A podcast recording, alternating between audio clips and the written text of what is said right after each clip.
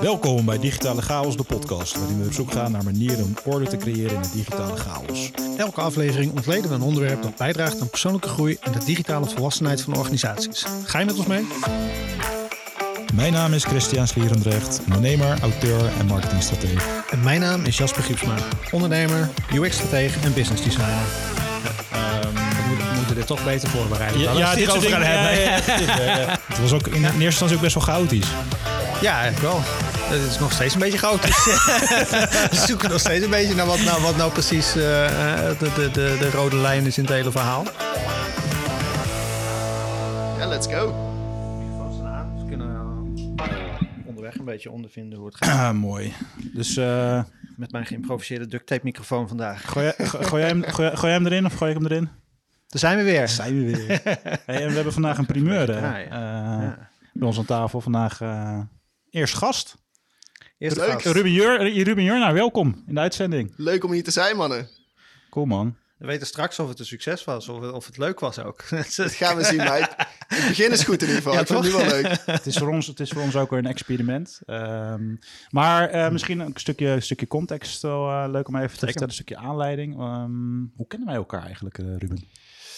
Eh, wij kennen elkaar denk ik nu 12 jaar uit de pokertijd nog. Hè? We zijn eh, eh, online kennis gemaakt en toen, Oh. toen ook live op festivals, wintersports en live pokertoernooien. volgens mij Klopt, elkaar ja. beter leren Klopt, kennen. Ja, want ik, ik kan me jou wel herinneren aan de pokertafel als ook wel een van de gevaarlijkere spelers. Zeg maar, eh, onder pokerspelers wil je daar dan, je wil hem niet links van je hebben, je wil er rechts van, je, wil er, je wil er zelf links van zitten, je wil positie hebben. En volgens mij was ook wel een van jouw, eh, gaan we meteen even de diepte in, maar volgens mij was wel een, een van jouw krachten ook wel een beetje het- aanvoelen van, van, van, van een gameflow aan tafel. Klopt dat? Ja, zeker. En, en wat je zegt over dat imago, hè, dat, dat, zo stond ik online bekend. eh loose cannon, eh, wilde gast. Maar eigenlijk was ik heel stabiel en heel rustig in mijn spel. Maar ik, ik kapital- kapitaliseerde wel maximaal op, op, op, op zwakte. Als ik zwakte rook, dan... eh, ja, mensen volden gewoon te veel. Mensen die... eh, eh, ja, die kon je makkelijk uit hun hand drukken op het moment dat ze... eh, een, een, een, een vleugje zwakte was voor mij genoeg om eh daarvoor op in te, in te haken. Vet, Een beetje inhaken op de psychologie van de mens eh, eigenlijk. Eh. Ja, zeker die patronen van toch eh, Mhm. een beetje behoudend zijn en eh, een veiligheid eh, zoeken. Dat, eh, ja, dat zag je toen heel veel aan de tafels. En eh, later werd dat wel iets minder, want mensen, die, die agressie, dat, dat levert gewoon iets op. Die, eh, Ja. dat, die beweging vooruit. Maar dat eh ja, vond ik leuk om te doen. En ook die analyse ook, hè, van, van die handen in je, in je poker trekken. Dat is gewoon, het gaat Ja. allemaal over gedrag. Hoe, eh, hoe gedraagt iemand zich in een spelletje en aan tafel? Misschien leuk om daar straks nog wat dieper op in te gaan. Ook misschien ook leuk voor de luisteraars dat je even, even jezelf kort voorstelt. eh, wie je bent, wat je doet. Je mag, mag je ietsjes dichter bij de microfoon staan ook. Dus dan eh, zie je... Komt goed. Zeker, zeker. Ja, Knip eruit, genoeg? knip er wel uit. Make love with the microphone. Ja, dat is niet heel... Ja, het is, ik, ik merk Christian, die praat heel hard in die microfoon. Dus dan zie je altijd die golven, die zijn een stuk groter. Zie je die patronen. En dan zie je, Helemaal goed. Zie je die van mij, staan er zo naast, zo klein. Ja. Ehm, nou ja, ik ben Ruben. Ik, ehm, ehm, ik heb een achtergrond in neuropsychologie. Ik vind het ook heel leuk om eh, verschillende buitensporten te doen. Eh, het geeft me ook heel veel positieve energie. Klimmen, zeilen. Eh, ik heb heel lang gevoetbald ook. Maar door een snowboardblessure kon ik daar eh, op een gegeven moment niet meer mee doorgaan. En waar ik me in mijn dagelijks leven mee bezighoud is eigenlijk gedrag in teams. Hoe eh, zien die gedragspatronen eruit? Eh, die gedragspatronen in kaart brengen. En vooral kijken van hè, wat willen we ermee? Wat werkt, wat niet? En wat voor impact heeft het ook op elkaar? Dus ehm, heel kort door de bocht. Ja, vanuit Teamrol Indexator werk ik dus eh, veel met teamontwikkeling. Dus eh, die samenwerking onderling verbeteren. Wat gaat goed? Hoe kunnen we dat nog beter maken? En waar zitten de wrijvingen? Waar zitten irritaties? En hoe gaan we daarmee om met elkaar? Cool. Ja. Hey, en we hebben, zeg maar, eh, we doen onze eh, naam eer aan, die digitale chaos. Dus we hebben niet echt veel vaste vragen of een structuur. dus eh, eh, eh, we hebben één vaste vraag die we eigenlijk, eigenlijk zelf hebben, hebben, hebben een keertje bedacht. Oh. Eh, en dat is de vraag, hoe, hoe digitaal volwassen is eh, Ruben Jurna? Hoe digitaal volwassen ik ben. Ik denk, ehm, ik denk dat ik nog een beetje op het kindniveau zit. Hoewel ik wel stappen heb gemaakt het laatste, eh, laatste twee jaar. Nee, de, ehm, ik word Ik moet steeds... zeggen, eh, kinderen zijn heel digitaal vaardig tegenwoordig hoor. Dus eh, Ja, ja, ja, ja dat, dat, dat snap ik. Nou ja, dan zit ik nog onder dat kindniveau. Ehm, nee, ik, ik, weet je, ik, ehm, eh, ik heb ook veel van jij online geleerd over eh, eh, hoe bouw je nou een goede website en aan de achterkant hoe regel je dat goed. Maar als ik heel eerlijk ben, mijn kracht ligt veel meer in mens tot mens contact en, en daar gewoon die informatie uithalen en daar iets mee doen en die connectie leggen met mensen. Uh, en dat digitale, digitale vaardigheden, ik weet dat het nodig is, maar het is ook niet per se dat ik heel veel energie van krijg. Dus, uh... ja, dan ben ik even nieuwsgierig. Hoe heb jij dan in de, de coronatijd uh, overleefd? Dat, dan ga je inderdaad wel, het menselijk contact gaat dan via digitale kanalen. En hoe, hoe heb je dat doorgemaakt? Ja, bij vlagen wel pittig. En met hoorten en stoten. Ja, ja. Um, ja, kijk, en via, via Zoom en Teams en, en dergelijke kan je natuurlijk wel dat, dat contact redelijk blijven leggen. Maar ik merkte wel dat mijn energie in de coronatijd wel lager is geweest. Dat ik uh, dat, dat gemist heb. Hè. Gewoon ook, zeker als we met teams werken. Het kan online, maar het is veel beter om gewoon voor een groep te staan. Ook, hè. Wat er in de pauze gebeurt, geeft je soms zoveel meer informatie dan tijdens een hele training. Ja. Dat, uh, ja, dat, dat heb ik wel gemist. Dus ik, uh, ik hoop dat dat snel weer uh, helemaal terug is. Ja, dat is volgens mij ook wel iets, zeg maar... want wij hebben jullie ook mogen ervaren. met, met, vanuit Jan Lijn met ons team hebben we het traject gedaan met het team Ron Exator. En andersom hebben we ook samengewerkt. En dan merk je gewoon wel heel erg dat de magie die gebeurt ook als je in een groep bezig bent. En je bent samen, ben je iets aan, het, mhm. aan het ontdekken. Um, misschien, misschien leuk om nog heel even kort ook toe te lichten hoe, hoe jullie methodiek werkt. Zeker. Uh, want ik heb hem al mogen ervaren en de lijve, maar de luisteraars die kennen het misschien nog niet.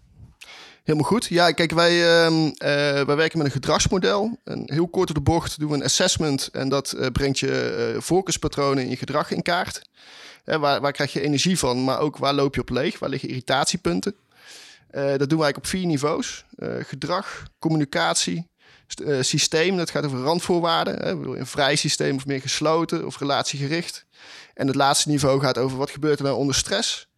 Uh, als de druk erop komt te staan, zien we dat we in, ook neurologisch gezien in oudere patronen schieten die veel meer hard gecodeerd zijn.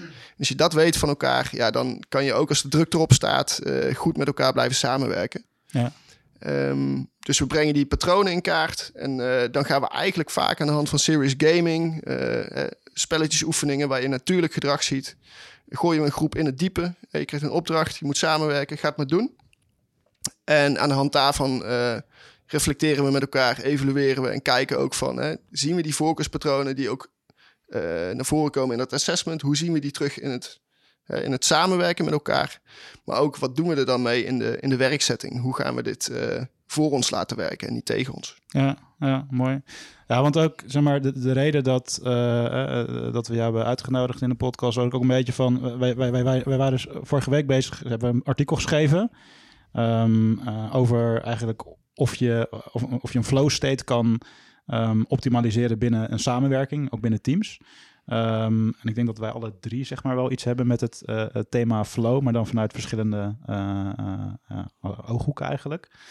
Um, maar daar kwamen we eigenlijk ook, zeg maar, we hebben daar, uh, er zijn een paar thema's die ik zeg maar je nu al hoor benoemen. Um, uh, we kwamen eigenlijk er ook op uit dat er zit een soort raakvlak tussen de dynamiek waar wij dan in zitten als, als marketingteam en waarschijnlijk ook binnen Daily Creations als, als UX, als UX-bedrijf.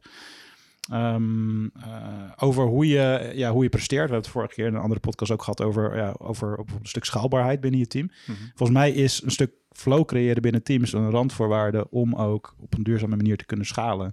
Hoe, hoe, hoe kijken jullie daarnaar? Even kijken naar Jasper.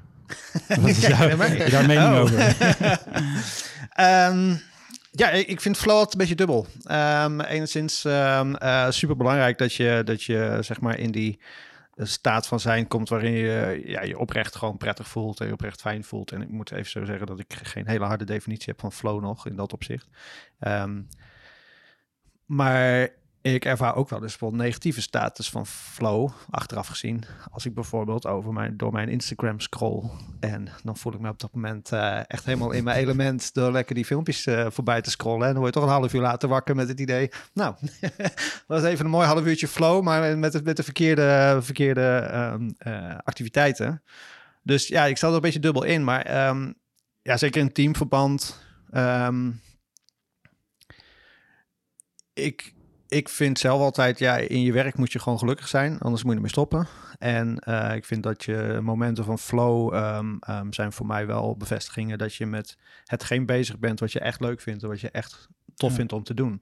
Dus ja, dat probeer je ehm, voor jezelf zoveel mogelijk te creëren. Aan de andere kant, als werkgever probeer je natuurlijk ook gewoon zo'n leuk en gezond mogelijke omgeving te creëren waar je personeel in presteert. En Ja. en, ja ik denk dat in dat opzicht heel belangrijk is. Ik vind het wel een hele, hele, hele interessante. eh, ehm, eh, ja, hoe noem je dat? Eh, je hebt eigenlijk twee, twee kanten van de medaille misschien. Want Ja.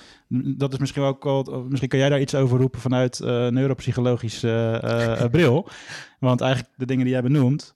eh, het gaat eigenlijk, oké, oké, wat voor definitie ge- geef je aan flow? Maar Mhm. aan de ene kant kan je dus helemaal erin zitten of in, in, in werk zitten, daar helemaal gelukkig mee zijn. Aan de andere kant kan je ook eh, door je social media timeline heen scrollen. En dan, maar eh, neurologisch gezien zit het ene volgens mij meer in de dopaminehoek en de andere kant zit misschien net iets anders. Maar Ik, eh, ik denk dat je op de goede, goede weg zit, inderdaad. Kijk, als ik hem even terugpak, ik denk dat het om twee dingen gaat. Het, het gaat om energie en het gaat om aandacht. En wat je zegt over dopamine, hè, het is niks zo fijn voor ons brein om lekker naar filmpjes te kijken. Dat, het is niks zo stimulerend dan gewoon naar een schermpje kijken. En die dopamine afgifte, het voelt goed. Maar ja, zit je dan echt in flow, krijg je dan echt energie terug voor wat je aan het doen bent? Ik denk het niet per se. Maar je aandacht wordt wel heel erg eh, vastgehouden daardoor. Eh, en als je kijkt naar de, de, de flow state in een team en als je gaat samenwerken met elkaar, dan is er een hele lekkere balans ook tussen, tussen je aandacht. Eh, je hoeft je niet je- je- jezelf te forceren om ergens bij te blijven. Dat die aandacht en die energie stroomt als vanzelf. Eh, maar ook je kennis en vaardigheden en de uitdaging waar je voor, voor staat, die zijn perfect met elkaar in verhouding. Dus het is niet te moeilijk, maar het is ook zeker niet te makkelijk. En ik denk dat dat een, een eh, als je het hebt over de flow staat, dat dat heerlijk werken is. Want je, dan kan je ook stappen blijven maken, eh, vooruit blijven gaan, jezelf ontwikkelen. En ook werken aan dat gemeenschappelijke doel waarmee je, of waarvoor je op dat moment bezig bent. is het, is het een dan misschien ook, zeg maar, de ene flow is misschien wat meer duurzaam en de andere dopamine flow is wat korter termijn. Zeg maar, want op een gegeven moment is je dopamine systeem uitgeput, toch? Als je dat continu blijft doen. Ik denk dat het te maken heeft inderdaad met... eh, krijg je energie terug voor wat je aan het doen bent? Of, ehm, ja, of, of, of ben je gewoon de tijd aan het vullen eh, met iets wat, wat wel je aandacht grijpt... maar waarvoor, waar je geen energie van krijgt? Ik denk dat daar eh, voor mij het verschil in ligt. Ja. Tussen die twee staten. Hij wel interessant hoor. Wat ik net aangaf, ik heb nou niet echt zo'n heel vast gedefinieerd eh, beeld bij flow. Maar voor mij is het, ehm, wat ik net beschreef, altijd een beetje zo'n ehm, moment waarin je de tijd een beetje verliest. Eh, bijvoorbeeld ehm ehm, een filosoof, eh, een Nederlands filosoof, die dan het boek Stil de Tijd, ehm, die ook aangeeft van je hebt, je hebt verschillende belevingen van tijd. Je hebt die, men, die, die menselijke tijd waarin je gewoon, waar we bepaald hebben. Kloktijd. De kloktijd, waarin we bepaald hebben van nou, er zijn secondes, er zijn uren en er zijn dagen. En, ehm, maar aan de andere kant je interne tijdsbeleving, die totaal anders kan zijn. Die dus sneller kan gaan, die langzamer kan gaan, die ehm, ja, op een hele andere manier werkt. En voor mij is inderdaad flow dat je dus inderdaad ook in die bijna meditatieve staat eh, bezig bent. En ehm, aan de andere kant, ja, wat je zegt, ben ik helemaal mee eens. Dat je inderdaad, er zit wel een verschil tussen de verschillende soorten van ehm, staten waarin je die flow kan ervaren. En, en ja, wat, wat, wat je definitie daar precies van is. En dat, dat vind ik wel interessant. Ehm, Is het, zou, zou dan zeg maar de, het scrollen in een timeline in principe ook flow kunnen zijn waar je niet je dopamine systeem uitput? Kan je in een staat zijn waarin je dat doet zonder dat je zeg maar die negatieve lange termijn effecten gaat zien? Nou, eh, eh, dat denk ik wel. Want ik heb ook eens die momenten op, op de YouTube...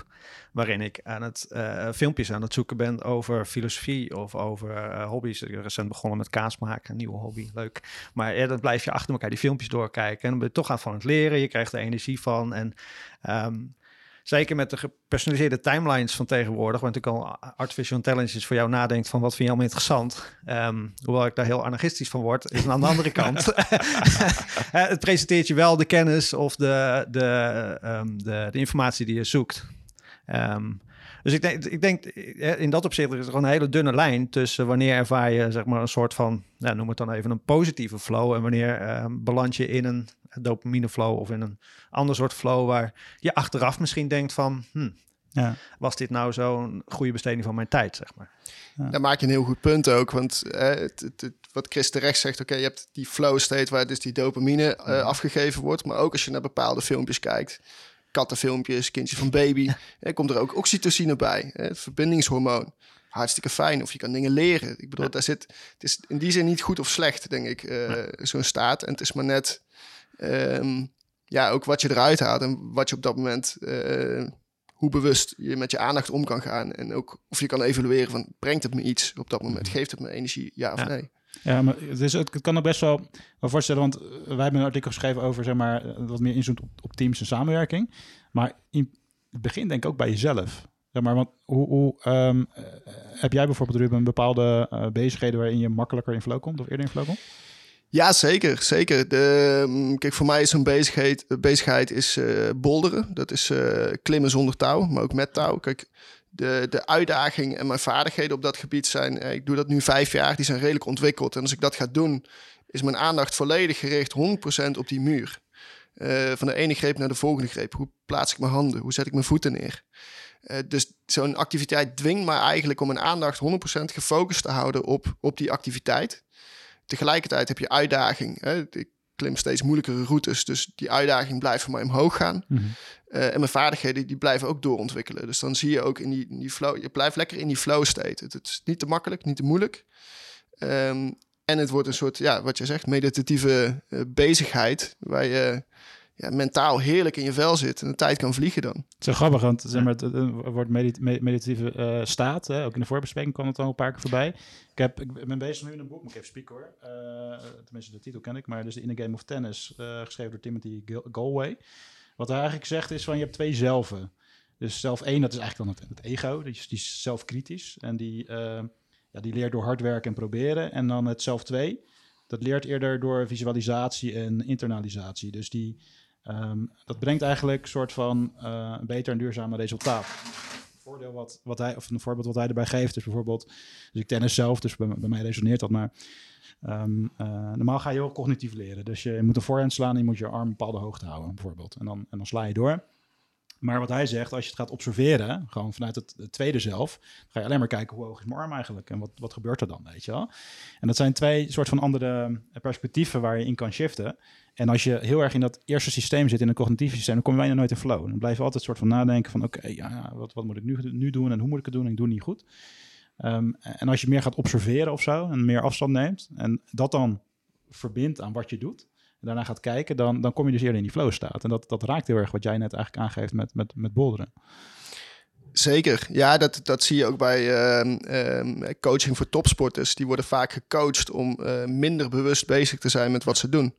Eh, topschaatsers bijvoorbeeld, hè, die, als die op gevoel eh, schaatsen, lekker in de flow, die zijn niet aan het nadenken voor de ene slag naar de volgende slag. Die, dat, dat gaat als vanzelf, dat stroomt volledig automatisch eigenlijk. Dus dat bewustzijn, hè, meer of minder bewust, meer, meer of minder cognitief, ja, dat, is, dat speelt enorm eh, een rol hierbij. Het is wel grappig dat ik van de week een, ehm, of van een paar weken terug een interview ehm, gezien van Miles Kennedy. Een zanger die ik, eh, die ik heel gaaf vind, een rockzanger. eh, op een aantal jaren tot beste zanger ter wereld gekozen. En die beschrijft exact dit. Die zegt dus van ehm, mensen denken dat een zanger dat allemaal maar heel makkelijk doet. Op zo'n podium stappen en maar een beetje gaan staan zingen. En eh, die stapt in zijn auto, gaat naar huis en lekker chillen tot zijn volgende concert. Maar hij zegt, wij mensen beseffen niet hoeveel oefeningen, hoeveel rehearsals er zijn voordat je concerten gaat doen. Hij zegt, eh, hij eh, zingt bijvoorbeeld de band van Slash. En hij zegt ook Slash, die gezien wordt als een meester gitarist, die ook geen, eh, geen formele les heeft gehad en zo. Hij zegt, die, die steekt zoveel tijd in rehearsals en in oefenen van, van die concerten. Hij zegt, je moet op een gegeven moment in zo'n staat komen waarin je niet meer nadenkt over wat je aan het zingen bent of wat je aan het spelen bent op dat moment. En dan kun je ook bewust gaan improviseren.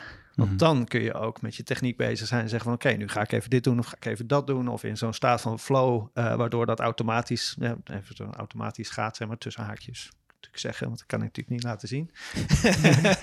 maar ehm, ja, die beschrijft exact dit. Dus niet alleen topsporters en dingen, maar ook de, de, de topartiesten en dergelijke, die dat ook gewoon moeten doen. Gewoon, ja, uh, oefenen, oefenen, oefenen, totdat het een soort van onbewust iets is wat je gewoon doet. En dan um, ja, kun je in zo'n staat komen. Wat ik dan wel interessant vind, want hè, topsporters benoemen we, uh, artiesten. Dus eigenlijk die, die, die, die, die doen al iets waarvoor een hoog niveau, of een niveau van flow eigenlijk nodig is om op, op, op hoog niveau te kunnen blijven presteren. Uh, maar ik las laatst ergens dat maar 43% van de werknemers regelmatig of vaker in uh, flow werkt op het werk. En dat, dat deed me best wel schrikken, want dat betekent dat bijna 60% van de mensen dus in een baan zit. Waar ze dat dus, uh, even afhankelijk van de definitie die je natuurlijk hanteert, dus geen flow ervaren. voor mij is dat een soort van synchroon, staat het synchroon aan dat je niet helemaal gelukkig bent in wat je doet. Um, dus dat triggerde bij mij wel ook van, en, ja, ook, ik denk dat de reden dat we nu en deze podcast opnemen en dat we een mhm. artikel over hebben geschreven van, ja, hoe kan je dan, zijn er dan manieren om uh, mensen of teams te helpen om, om, om randvoorwaarden te verbeteren om eerder in flow te komen? Dat vond ik wel een hele interessante. Mm heb jij daar een, uh, een visie op? Uh, voordat, wij, voordat wij ons uh, de, de, punten, de punten uit ons artikel gaan spitten. dus nog even heel kort. Je zegt inderdaad van nou 60% van de mensen die, die, die ervaart dan geen flow in het werk. Um, ja, dat is natuurlijk schokkend. En dat, dat, staat, dat, dat druist in tegen mijn persoonlijke visie op werk. Omdat ik, dat ik ook zoiets heb van ja, als ik niet gelukkig ben in mijn werk, dan stop ik. En um, er zijn natuurlijk altijd momenten waarop je niet helemaal happy bent met het, uh, met het werk of je dingen moet doen. Maar toch een groot deel van je werk moet, ja, moet je vrolijk voor uit je bed komen. Um, ik ken het in mijn omgeving ook. Mensen die te lang in werk blijven hangen, waar ze achteraf, of waar ze gewoon niet blij mee zijn. Iedereen zijn werk, geluk um, is heel belangrijk. Maar wat als morgen iedereen die niet blij is in zijn werk, dus die hele 60% zegt ik stop en ik ga wat anders zoeken, heb je ook een heel groot probleem. Ja. um, dus het is ook wel lastig. Um, wat ik uh, net in de voorbespreking zei, ik, ik ben de laatste tijd een beetje aan het lezen over uh, filosofische stromingen als stoïcisme en existentialisme. En ik denk dat dat um, wat, wat hier heel erg interessant is en uh, misschien een um, interessant middel kan zijn voor die mensen die niet in flow zitten, is existentialisme um, zegt ook, de, je hebt als mens heb je de volledige vrijheid um, om je keuzes te maken. En dat is de, de belangrijkste uh, menselijke vrijheid die je hebt. En als je dan Viktor Frankl bijvoorbeeld erbij pakt, die zegt, je kan in elke situatie, de absolute vrijheid die je hebt, is dat je zelf bepaalt hoe je naar die situatie kijkt. En ik denk in welke situatie je ook zit, je kan altijd bepalen hoe jij daar naartoe, naar, naar kijkt en hoe je daarmee omgaat. En ik denk dus ook dat die mensen die niet in die uh, flow staat zitten, uh, niet per se een drastische verandering moeten maken in hun omgeving of in hun um, ja. uh, activiteiten, maar misschien de manier waarop ze er naar kijken. Um, ja, dat vind ik wel een hele interessante discussie, een hele interessant punt van, van ja, misschien. Zijn er dan manieren om, zeg maar, want zijn, zijn er manieren om dat te, te leren? Laat ik het zo zeggen. Dus um, ik, ik, denk dat uh, deel, deel dus, dus, maar, dat herken ik ook van, van zeg maar toen ik zeg maar zelf uh, na mijn studie uh, ging werken in een corporate. Mm -hmm. Ik kwam daar echt niet in flow, want ik was echt, ik had echt het idee, ik ben dingen aan het doen die, die dragen niet bij aan een bedoeling of aan een gemeenschappelijk doel. en dat was voor mij dan niet de setting, dus ik heb toen de keuze gemaakt om, om, om daarmee te stoppen. Um, en toen ben ik gaan ontdekken van werk, wat werkt wel. Weet je, en op een gegeven moment als je dan wat meer ervaring krijgt en uh, trial and error, dan, dan weet je op een gegeven moment ook wat, wat, wat, wat past, waar kom ik eerder in flow. Um, en, uh, en dan ga je dat meer doen. En ik denk wel dat er een fijn lijn is, want je kan nooit 100% van de tijd in flow, flow leven, zeg maar, in de, de, de driedimensionale wereld waar we in zitten. Altijd een percentage dat je gewoon dingen moet doen die gedaan moeten worden. Um, maar ik ben wel benieuwd naar, zijn er, um, ja, zijn er tips die we uh, kunnen destilleren uit onze, in ieder geval, uh, flow ervaringen die we mee kunnen geven uh, aan hoe je dus voor die 60% hoe je eerder in zo'n staat kunt komen. Hoe kan je op een andere manier naar werk kijken bijvoorbeeld? Nou, ik wil er wel even op, op reageren, want ik denk dat Jasper echt de, spijker op de kop slaat. Het, het, heeft heel veel te maken met hoe kijk jij naar de situatie waar je in zit. Hoe is jouw perceptie van de situatie en, en hoe ga je daarmee om? Uh, het is zeker niet nodig voor die 60% om, om allemaal een andere baan te gaan zoeken. Je kan ook aan de lopende band in, uh, in een flow staat uh, komen. Het is maar net hoe je dat zelf aanvliegt, waar je de uitdaging zoekt. Um, en jij noemde net ook iets interessants, Chris. Je zei van, um, ik weet niet meer precies wat je zei, maar het gaat ook over binnen Cool Bluesy bijvoorbeeld. Hè? Die, die, die werknemers zijn super happy eigenlijk in, in, hoe, in, in hun werk. Ehm, gaat ook vaak over hoogopgeleiden die in, in pakhuizen en zo werken. Maar dat komt omdat de, de onderlinge connectie tussen, tussen de teamleden enorm sterk is. Ja. Daar enorm op wordt geïnvesteerd ook. En Jasper zei eerder ook iets interessants. Muziek. Dat is, hè, muziek en sport zijn eigenlijk logische voorbeelden als je kijkt naar de flow staat. Ehm, en dat is, eh, kijk, je hoeft niet goed te zijn in tennis of in gitaarspelen om al snel in flow te komen. Het gaat erom dat je die vaardigheid verder ontwikkelt en de uitdaging steeds groter wordt. En als je kijkt dan wat doet muziek bijvoorbeeld met je brein, ja, er is eigenlijk niks zo prikkelend, zo activerend voor je brein als muziek. Ja. Ja. Dus ook in werk wat misschien wat minder uitdagend is, hè, kan je muziek op de achtergrond al een heel groot verschil maken Zeker. connectie met collega's.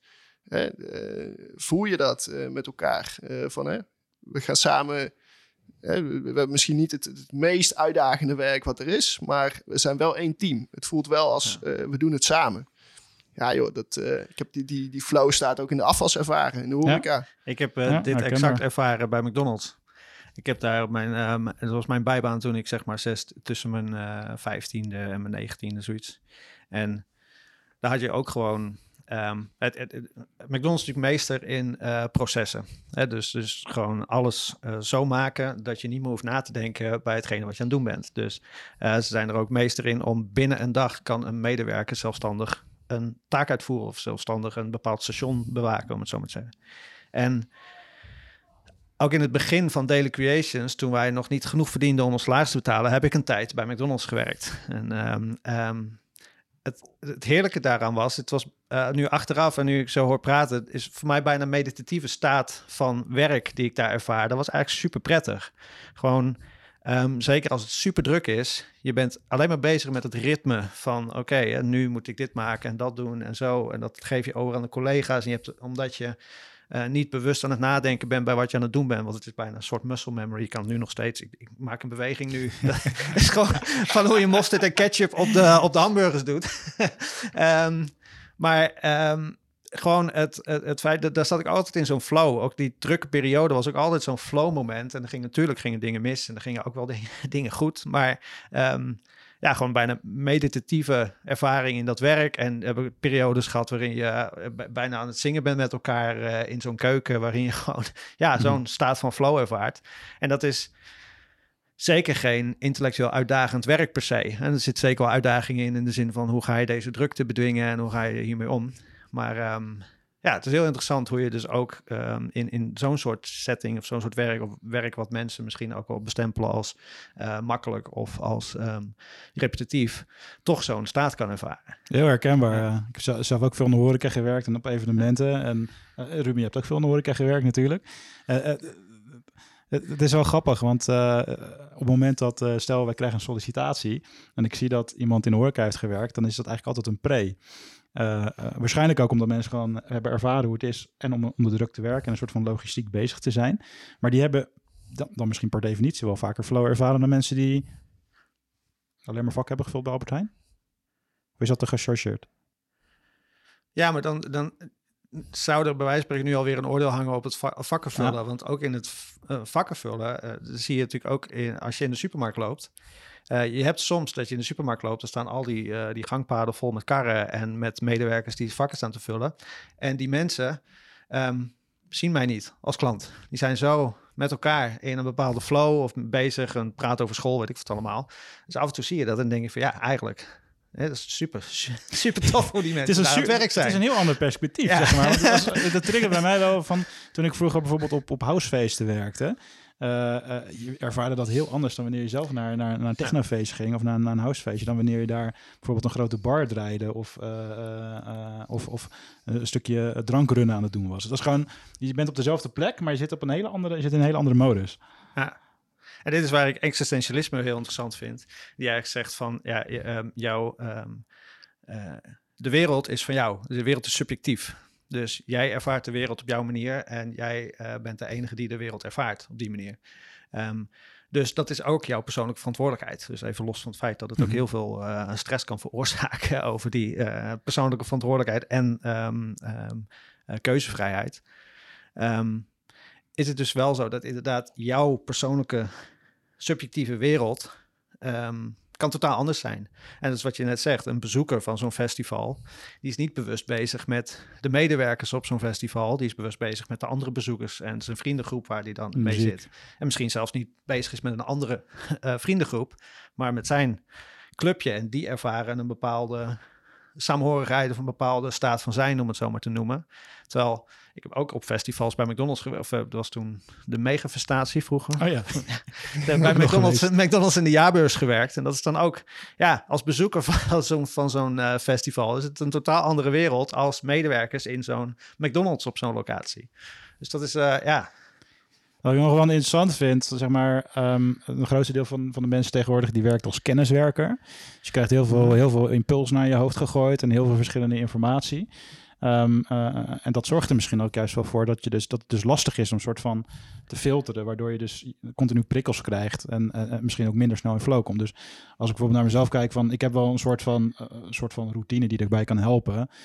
Dus er zit een element in van muziek, weet je wel, van oké, focus, al je tabbladen afsluiten, noise cancelling headphone op, focus playlist van Spotify opzetten en gaan. Eh, maar ook, zeg maar, dat, dat kan je maar een bepaalde periode volhouden. Dus bij mij helpt het bijvoorbeeld ook heel erg om 's middags dan even een wandeling door het bos te maken. Even een soort van reset te doen. En dan kom ik weer in die flow. Maar als ik, zeg maar, dat niet doe, dan merk ik gewoon, dat dan lekt gewoon 30% van mijn eh, capaciteit om in flow te komen, plus, plus productiviteit lekt gewoon weg. Ehm, hoe, hoe gaan jullie daarmee om? Ja, interessant punt wat je maakt. Zeker van die kenniswerkers. Je zit achter je scherm, maar er zijn ook continu prikkels om je heen die om je aandacht vragen. Hè, die aandacht heb je weer. En hoe ga je die aandacht dan kunnen focussen op, op die taak waarmee je bezig bent? Of, of hè, waar, waar je mee bezig bent op dat moment. En wat je, wat je ziet, ook als je het over flow hebt, we, hadden het eerder over eh, bewust of, of eh, onbewust. Eh, die flow staat gaat veel meer vanuit gevoel dan vanuit de ratio. En die ratio, als je kijkt naar je aandacht, als je echt je, bewust je aandacht focust, dan is dat heel snel op eigenlijk. Zo'n aandachtspannen is eigenlijk maar 20 minuutjes. Eh, dus De Pomodoro-tijd. ja, nee, precies. Die Pomodoro-techniek inderdaad. Van zo'n eh, wetenschapper die zegt van... Hey, je moet eigenlijk een cycles van 20, 25 minuten max... eh, gefocust werken en dan eventjes die aandacht eruit. Ook om dat weer op te kunnen laden. En wat jij zegt in het bos of tijdens het wandelen. Je zegt geen bos, maar ik zeg bos. en zijn die prikkels eigenlijk veel, veel minder. Als je kijkt naar de, het verschil tussen eh, een bosgebied of een stedelijk gebied... Ehm, dan is dat verschil enorm in, in eh, vooral in je hersengolven van oké, hoe, hoe hoog is die activatie? Hoeveel wordt je aandacht getrokken? En we zien bijvoorbeeld ook als je kijkt naar stress, eh, als we diep kunnen kijken, bijvoorbeeld eh, in een polderlandschap of in een berglandschap, als je boven een berg staat, dan, dan komen eigenlijk alle cellen in je, in je brein die op zoek zijn naar gevaar, die komen helemaal tot rust. Eh, terwijl in stedelijke gebieden blijven die eigenlijk op een vrij hoge activatiegraad. eh, en dat ja, verhoogt je stress. En stress is eigenlijk heel goed. Hè? Zonder stress hadden wij nooit eh, deze podcast kunnen opnemen. Hadden we, hadden we als menselijk ras al lang, waren we lang uitgestorven. Met te veel stress, of chronische stress, ja, dat creëert problemen. En in een bosgebied of in de natuur, daar, daar, ja, daar kom- komt je brein echt tot rust. En dan kan je ook die rationele aandacht weer opladen. Hè? Die, die aandachtspannen, die eh, kan je daarna weer volledig eh, gefocust inzetten. Ik vergelijk het wel eens met werkgeheugen in een computer, zeg maar. Als je werkgeheugen vol zit, dan, ja, dan loop je vast, weet je wel. Ja. Dus dan moet je af en toe gewoon, gewoon hard resetten.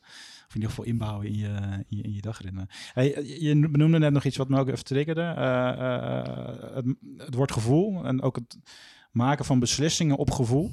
Ik zag ook eh, onlangs een LinkedIn-post van je voorbij komen. Eh, ook weer even het linkje met poker. Maar daarin gaf je ook, eh, gaf je ook aan dat je, eh, eh, correct me even of, of op de goede manier ver- vertel, maar eh, op het moment dat je ehm, eh, in, in je pokertijd dus voor lastige beslissingen eh, eh, te staan kwam, dan maakte je die meer op gevoel. Ehm, eh, en, en terwijl je de eenvoudige beslissing dan misschien meer op ratio maakte. Hoe, hoe, hoe werkte dat voor Ehm, nou, kijk, het, het, zat hem. eh, ik ben dat vooral op de high stakes eh, mezelf aan gaan leren. Dat, dat hoe dieper je in een hand komt, hoe minder informatie je eigenlijk hebt. Op hoe, hoe nieuwer de situatie is eh, waar je in staat. Kijk, voor de flop zit je in situaties die je al duizenden keren soms hebt meegemaakt. Ehm, en als je kijkt van hoe, hoe komt je gevoel tot stand, dat is gevoel is eigenlijk een black box. maar het is wel, het, het wordt gevoed door eigenlijk alle informatie die binnenkomt. Alleen dat is zoveel informatie dat ons brein dat niet bewust kan verwerken allemaal. Het gaat in je, eh, in je diepere de- delen van je brein gaat dat op, op razendsnelle, eh, echt, echt bliksemsnelle snelheid. Eh, Ik noem even 12 miljoen bits per seconde. Wordt daar verwerkt. Terwijl dat rationele deel van je brein maar 60 tot 80 bits per seconde verwerkt. Dus 200.000 keer zo traag dan dat deel wat gevoel faciliteert. Wow. En ehm, kijk, als je ervan uitgaat dat gevoel, hè, dat is gemaakt ook om, om je te ondersteunen. Eh, het, het is geen stiekeme saboteur, noemde ik ook in mijn post. Ja, dan ga je dus ehm, beslissingen kunnen maken zonder dat je echt weet waarom je iets doet. Maar het voelt wel goed. En toen ik dat op een gegeven moment ging doen op die high stakes, ja, toen, toen merkte ik echt van, toen, eh, toen ging ik echt vliegen. Ja. En toen zat ik ook ja, meer dan 90% van de tijd eh, was de beslissing goed. Ja, ik- herkenbaar hoor. Dat, dat, dat was ergens, zeg maar, als je dan wat lager in niveaus speelde, dan kon je wat meer tafel spelen. Dan kwam je ook wel in een bepaald ritme, weet je, want je speelt meer handen en, en de standaard situatie eenvoudiger. Maar het is ook, zeg maar, ik denk ook de reden dat wij, zeg maar, die, die games goed, eh, goed versloegen. Eh, voor een groot deel kwam dat ook gewoon door, door op een gegeven moment iets groeien in die stakes en dan, en dan en, en wat meer de, de gameflow aanvoelen aan een tafel. Ehm, eh, dus wat minder op volume spelen. Want als, als ik naar mezelf bijvoorbeeld keek van bij mij draaide het niet, niet voor het grootste deel om kansrekening. Je, je, je kende natuurlijk wel de, een beetje de handwaarders en, en, en, en de kans eh, globaal. Uh, maar het verschil moest ik echt maken met, met gameflow aanvoelen. Plus ehm, een stukje historie met spelers.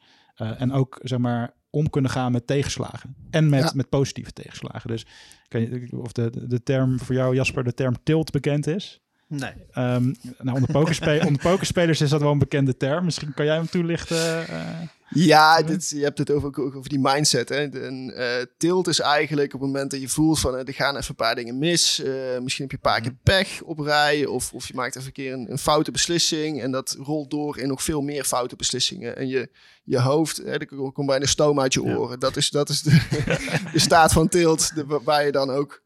Uh, ja, de, de, kwaliteit van je beslissingen gaat enorm snel naar beneden. Uh, je wordt heel reactief en uh, het voelt niet leuk. Ja, dus wat wij, wat we, en dat hebben we beide ervaren, maar wat we ook gezien hebben, is gewoon dat, dat de spelers die gewoon ja, een flinke bankroll hadden, dat die gewoon binnen een paar dagen al hun geld verloren, omdat ze gewoon in die tilt-modus bleven. Ja. En waar op een gegeven moment achter kwam, is dat je dus ook de keerzijde ervan hebt. Dus je hebt, het is ook een beetje, een beetje link met stoïcisme, maar um, als je goed kan handelen met tegenslagen, maar je blijft je gaan focussen op de dingen waar je invloed op hebt. En je laat je, je beslissingen niet negatief beïnvloeden. Ja, dan op de lange termijn uh, kom je vooruit. Maar je hebt dus ook de keerzijde van... je hebt ook iets wat euforische tilt heet.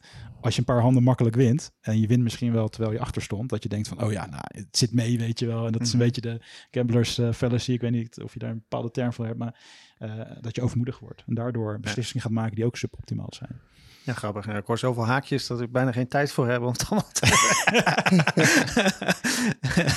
ook in het existentialisme, dat, daar, daar wijkt het wat af van stoïcisme ook wel. In, in de zin van... Um, um, um, het, het hoogste doel is het, maken, is het maken van een bewuste keuze. En um, het loslaten van dat, die rationalisering die je er dan daarna aangeeft. Dus het, de vrijheid die je hebt is een keuze maken. En dat is gewoon belangrijk. De keus maken. En zelfs het maken van geen keuze is een keus. Ja. En uh, daar wordt het uh, heel abstract, dus daar zal ik niet al te, al te ver op ingaan. maar wat ik wel weer interessant vond, is eigenlijk waar we, net, waar je het net een beetje over had, ook over die, bijvoorbeeld die processorsnelheid die je hebt. En um, ergens hoor ik daar vertrouw op je gevoel en intuïtie. En dat vind ik wel weer grappig hoe zeg maar, de wetenschap op een gegeven moment de spiritu spiritualiteit een beetje inhaalt of, of de spirituele thema's een beetje gaat bevestigen. En dat zie je ook in kwantumfysica uh, en al dat soort uh, principes. Is toch, hoe zweverig het ook klinkt, maar vertrouwen op je gevoel, vertrouwen op je intuïtie, vertrouwen op je ervaring, om het dan zo maar even te zeggen kan een superkrachtig middel zijn. Maar wat doe je dan op het moment dat je die ervaring nog niet hebt? Dus als je bijvoorbeeld wat, wat jonger bent en wat minder praktijkervaring hebt of net begint in het uh, bedrijfsleven, dan kan me voorstellen dat het dan lastig is om heel erg um, op dat gevoel te varen. Of ja, maar ook daar is, um, daar heb ik ooit een business coach die mij die tip gaf. Hij zegt, um, maak gebruik van de naïviteit die je hebt ja. als je nog geen ervaring hebt. Dus als je geen ervaring hebt, dan kan je juist ook dingen proberen die, waar misschien andere mensen helemaal niet aan denken. En dat is misschien waarom beginnende pokerspelers in het begin nog wel eens heel veel geluk hebben. Omdat ze, lastig voorspel, omdat ze lastig voorspellen omdat zijn. ze niet te voorspellen zijn of een beslissing nemen waarvan iedereen zegt van dat kan je niet maken in deze situatie, maar het toch goed uitpakt voor hun. Ja. En um, ja, dit, is weer een ander thema waar ik op getriggerd word. Is het, is het eh, punt waar ik in het verleden wel eens over nagedacht heb. Is ehm, als je de definitie van het woord expert bekijkt, dan is het over het algemeen, als je dat beetje uitdistilleert, is dat iemand die ehm, zoveel oplossingen in zijn hoofd heeft voor problemen waar je tegenaan kan lopen in bepaalde situaties, is dat hij dus altijd een oplossing paraat heeft die past op die situatie. En zo word je een expert, doordat je dus zoveel eh, ja, ehm, gereedschap hebt in je rugtas, dat je dat kan inzetten wanneer die situatie zich voordoet. Maar aan de andere kant beperkt het je ook. Ja, het blijft altijd beperkt tot de toolbox die je hebt, zeg maar. Ja, en daarin heb je dus de, ehm, eh, het stuk waarin heel veel experts zeggen van ja, eigenlijk als je alles weet van een onderwerp, weet je pas hoe weinig je daadwerkelijk weet. Ja. Of als je heel veel van iets weet, dan weet je eigenlijk ook hoeveel je er niet van weet. En dat, ja, van die paradoxen, die, ik ken hier ook heel veel, in heel veel van die situaties, zit gewoon continu in van die paradoxen en van die, eh, ehm, ja, en van die loops. Ja, Voor, voor een expert die buiten de box gaat denken, is er nog Ja. steeds een box. Voor, Ja. voor iemand die nieuw aankomt, is er nog helemaal geen box. Die, ja maar is een, is een bepaalde box of een bepaald kader ook niet nodig om eh, sneller in een flow staat te komen? Ja, zeker. Zeker. Als je kijkt naar de flow staat, is, is dat wel... eh, je moet aan een bepaald doel werken. Om, je moet ergens naartoe werken. Dat is wel een, een, een, eh, een kapstok voor die flow staat.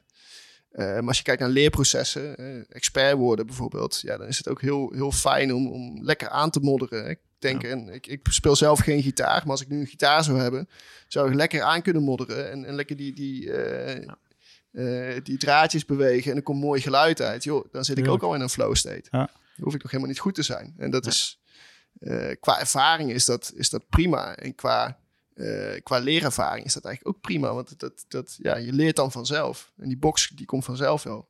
Ja. Ik heb een heel mooi boek eh, op kantoor liggen. Die heet eh, Thinking in New Boxes. en die schrijver die benoemt eigenlijk van... je kan helemaal niet outside of the box denken. Want het is altijd, wat jij net ook zei... het is altijd een nieuwe box. Dus je moet...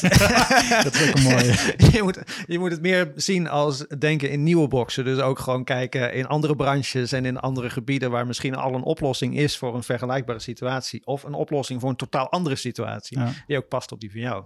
Dat is ja, wel interessant. zeker. Ja, wat, wat, wat, ik me ook nog wel interessant om even aan te raken, wat eh, we hebben toen eh, eh, het traject ook met jullie gedaan, met theorie. Ehm, eh, eh, eh, en je merkte dan ook al, zeg maar, als je het dan, want mm, als je het hebt over samenwerking en een flow en samenwerking creëren, dan, dan, dan start denk ik ook wel maar een beetje inzicht. Inzicht bij jezelf, maar ook inzicht bij de ander en hoe je dat dan tot elkaar kan relaten. Eh, maak je dat vaker mee, zeg maar, in, in trajecten die jullie doen? Dat je dan ziet dat er iets eerst niet stroomde en daarna wel. En waardoor mensen misschien eerder in een samenwerking ook in flow komen? Ja, zeker. Zeker. En dat is waarom we eigenlijk altijd beginnen met het in kaart brengen van die, van die focuspatronen in je gedrag. Eh, omdat je heel vaak denk je, hè, die collega die ken ik best wel goed. Eh, Ik weet, ik weet hoe die gewired is. Maar je kent hem in een bepaalde situatie, ken je Ja. hem heel goed. Mhm. En daar weet je wat je van hem kan verwachten. Maar Ja. ehm, juist door, door, ehm, door mensen in situaties te gooien waar ze niet bekend in zijn, zie je dus dat natuurlijke gedrag. En als je dat kan ophangen aan een kader of aan een box, waar we het net over hadden, kan je ook binnen die box met elkaar gaan kijken van wat werkt wel, wat werkt niet. En van elkaar gaan leren ook van waar, waar krijg jij nou energie van?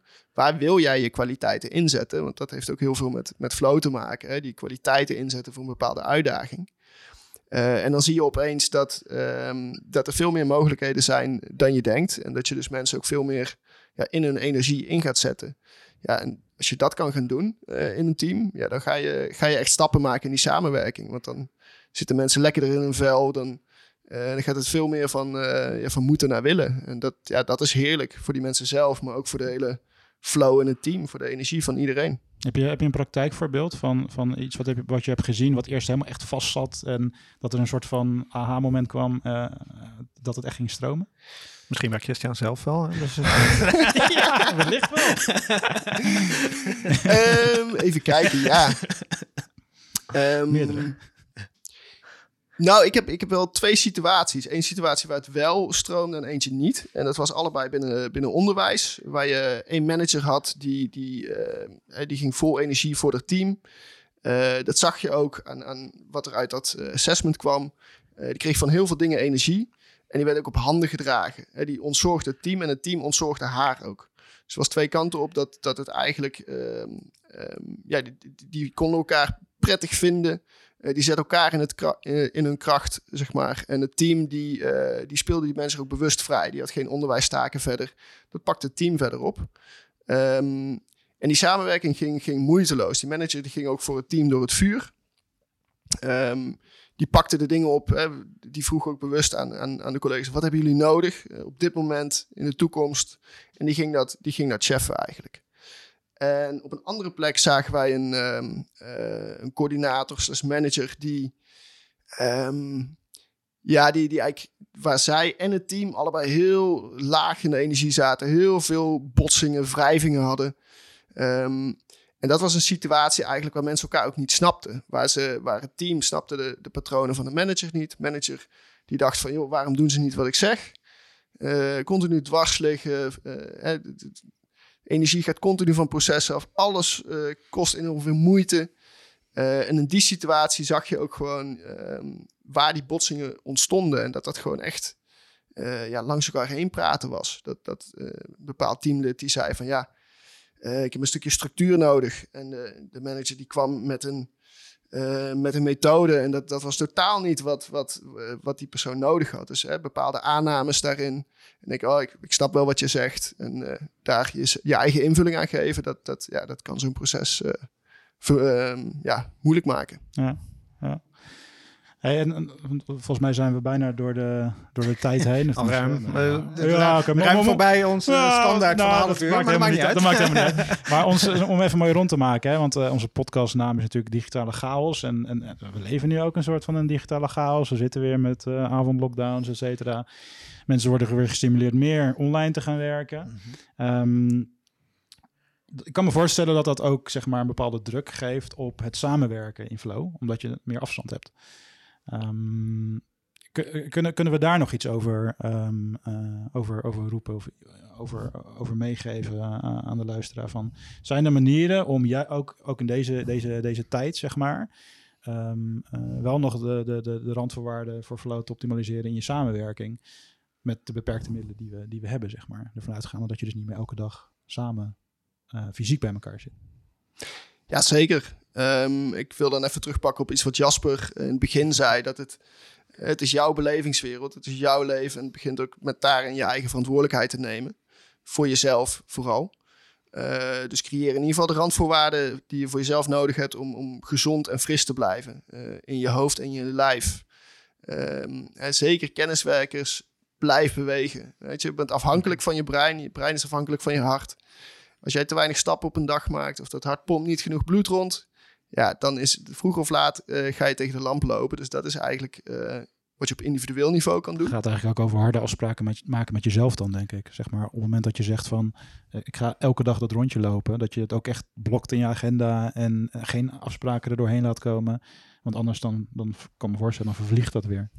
Ja, maar het, het, het, het, eh, en een beetje tegenluid in de, ehm, de andere kant van de munt daarin is, is als je harde afspraken maakt met jezelf, is dat je jezelf ook heel erg kan teleurstellen als je ze niet nakomt. Ja. En dat is waar ik in het verleden wel eens tegenaan gelopen ben, is dat ik, ik ga nu hardlopen, ga elke dag hardlopen en eh, eh, eh, dan zit je lekker in die flow, en lekker in, die, in, die, in dat ritme. En op een gegeven moment mis je een keer een dag. Je hebt even geen zin, Mm. of je enkel doet pijn, of het regent buiten, wat dan ook.